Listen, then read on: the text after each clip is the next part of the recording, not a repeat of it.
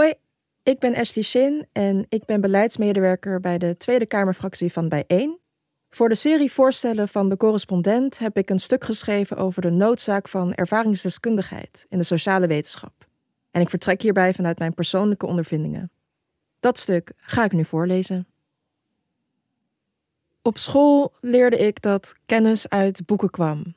Dat ik voor mijn spreekbeurt over het boeddhisme beter informatie uit onze wereldoriëntatieboekjes kon halen dan me te beroepen op de gebruiken en tradities van mijn oma's. Dat de lessen van mijn docenten waardevoller waren dan de kennis die mij werd doorgegeven door mijn familie. Dat bij wijze van spreken een paracetamol beter werkt dan tijgerbalsem. Dat klinkt misschien triviaal, maar in essentie groeide ik op met het idee dat er een verschil in waarde bestaat tussen wat ik meekreeg vanuit huis en wat mij werd geleerd op school. En dat verschil was groot. Voor het slapen gaan vertelde mijn moeder vaak hoeveel ze ervan hield om te dansen in de stortbuien in Albina, Suriname. Mijn vader vertelde over de middagdutjes die hij tussen zijn ouders in nam wanneer de laaiende hitte van de droge dagen op hen neerdaalde. Mijn ooms spraken over de insecten en de dieren waarmee ze speelden en de bruin gekleurde wateren waar ze in zwommen. Ik ging naar bed met beelden van duizend kleuren groen, houten huizen op lage palen en de geur van eten zwevend door de hoofdstraten van Paramaribo. Soms vullen mijn moeders ogen zich nog steeds met tranen wanneer ze denkt aan de jaren voordat ze naar Nederland verhuisde. Mijn vaders accent, een restant van zijn jeugd aan de andere kant van de wereld, heeft me altijd doen afvragen welke verhalen er verborgen zitten in zijn stem. Zolang ik me kan herinneren, heb ik mijn ouders altijd gesmeekt me mee te nemen naar het land van hun verhalen. Maar na 26 jaar is Suriname voor mij nog steeds slechts een plek vol andermans herinneringen. Toch zijn die herinneringen me dierbaar. Ze vormen een levenslijn naar een geschiedenis en een cultuur die niemand buiten mijn familie om lijkt te begrijpen. Oorspronkelijk komt mijn familie uit de Guangdong-regio in Zuid-China. Een regio die een direct maar onderbelicht verband houdt met Nederland. In 1858 werden de eerste Chinezen uit Guangdong naar Suriname gehaald om tot slaafgemaakte zwarte mensen te vervangen op de plantages. Maar was het mijn beurt in de schoolkring om te vertellen waar ik vandaan kwam, reageerden klasgenoten en leerkrachten stevast met ongeloof. Zocht ik in mijn schoolboeken het hoofdstuk over de Nederlandse koloniale geschiedenis, stond er geen woord geschreven over Chinese, Javaanse of Hindoestaanse contractarbeiders. Het was alsof dit specifieke stukje koloniale geschiedenis niet bestond buiten mijn gemeenschap. Dat maakte dat ik lange tijd heb getwijfeld aan mijn bestaansrecht. Thuis hoorde ik dat het koloniale verleden de reden was dat Chinezen in Suriname en later in Nederland terechtgekomen waren. Maar als het nergens stond geschreven, hoe kon het dan de geschiedenis zijn? Waren wij raar of waren we gewoon niet belangrijk genoeg voor een plek in die geschiedenis? En hoorden wij überhaupt wel in Nederland? Ook toen ik ouder werd, bleek dat kennis pas waarde krijgt als het wetenschappelijk onderbouwd, bewezen of onderschreven is. Pas als we de bron van de informatie kunnen terugvinden in artikelen, boeken of onderzoeken, vindt die kennis zijn weg naar sociaal beleid, onze historische kanon of het algemeen bewustzijn. Maar wanneer bepaalde verhalen structureel onderbelicht blijven, hoe kan bewezen sociaal-wetenschappelijk onderzoek dan beter zijn dan ervaringsdeskundigheid? Het zijn geleerden die historisch gezien de macht hadden te bepalen welke kennis als interessant genoeg werd beschouwd om te valideren met onderzoek. Geprivilegeerde witte wetenschappers die onderzoek deden naar een exotische ander naar eigen keuze. Maar ook geleerden hebben blinde vlekken. Wat weinig academici durven te erkennen, is dat de sociale wetenschap niet alleen historisch gestoeld is op eurocentrische en racistische overtuigingen, maar dat deze nog altijd voortleven in de huidige praktijk. Nog steeds wordt het onderzoeksveld gedomineerd door perspectieven van witte, mannelijke, heteroseksuele, cisgender mensen, zonder beperking en vooral uit de midden- en hogere klassen.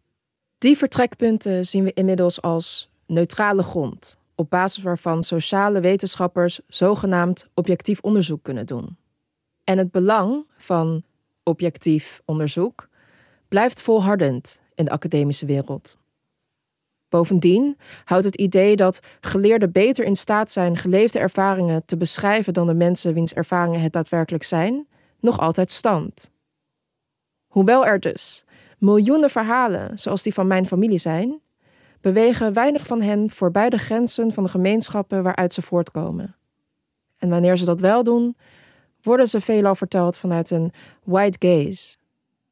Toen ik aan mijn masteropleiding in Advanced Migration Studies aan de Universiteit van Kopenhagen begon, wilde ik breken met de geveinsde objectiviteit van gevestigde academici. Met het idee dat een ander, geleerd of niet, beter in staat zou zijn om het verhaal van mijn gemeenschap te vertellen. Ik koos een drastisch andere aanpak en schreef mijn scriptie over de migratiegeschiedenis en identiteitsvorming van mijn familie.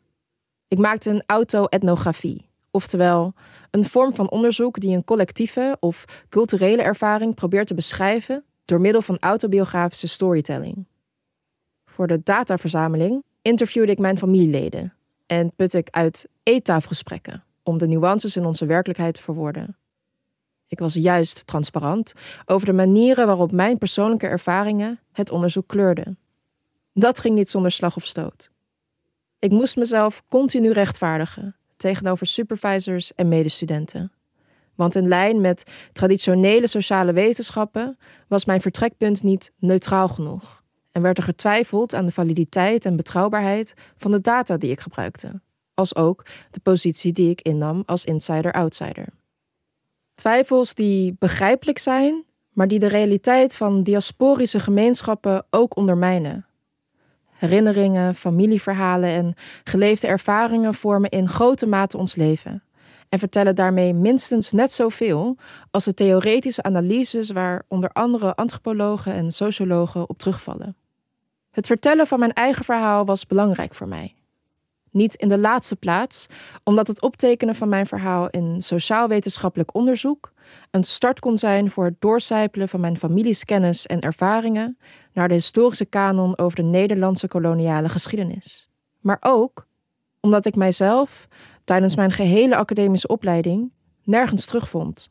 In plaats van me te herkennen in de onderzoeken die de werkelijkheid van migrantenfamilies moesten duiden, voelde ik me gereduceerd tot een casus tot een moeilijk te onderzoeken groep mensen, ondergerepresenteerd in de literatuur.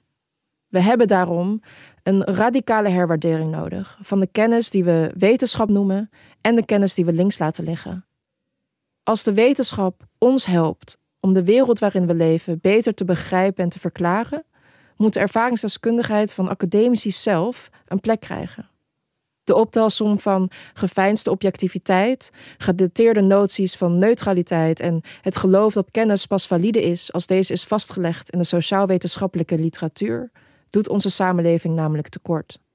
Want wat is de waarde van sociaal-wetenschappelijke kennis wanneer de mensen over wie het gaat zichzelf niet meer herkennen? En wat leert die kennis ons nog over de werkelijkheid waarin we leven, wanneer de sociale wetenschap generatie op generatie belangrijke verhalen onverteld laat.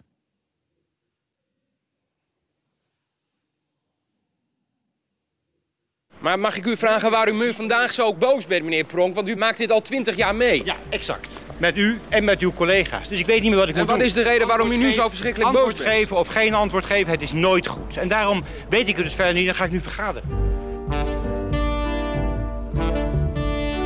Mijn naam is Anouk Nuyens en dit is Jan Pronk, politicus, oud-minister en sociaal-democraat in hart en nieren. Ik ontmoette hem zo'n negen jaar geleden omdat ik wat vragen had en Jan heel veel antwoorden. En sindsdien zijn we ja, vrienden. Hij werd vroeger wel eens het linkse geweten genoemd. En tot mijn schrik duikt hij nu soms ineens op als een stem in mijn geweten. Maar ik was toch jong, woke en feminist. Wat doet pronk dan in mijn hoofd? Maar dit mag je niet uitzenden. hè? Nee, dat, we praten nog steeds niet. We praten toch nog steeds niet? Ja, we zijn nu al aan het praten. Oh, dan moet je even stoppen. Nee, wacht even. Nou, heb, nou heb je mij verleid, omdat we nog niet begonnen waren. Nee, je hebt me toch een beetje verleid. Wat kunnen we van hem leren? Waar heeft hij spijt van? En waarom is de sociaaldemocratie zo uit de mode geraakt? De politieke stroming die massa's mensen op de been kreeg en het gevoel gaf dat we samen alles aankonden en de wereld echt beter zou worden. Waar is dat verhaal gebleven? Luister binnenkort bij de correspondent naar Pronk. Een nieuwe podcastserie van mij, Anouk Nuyens. En van mij, Jacob Brantel, Over linkse luchtkastelen en een geheugen dat nooit faalt.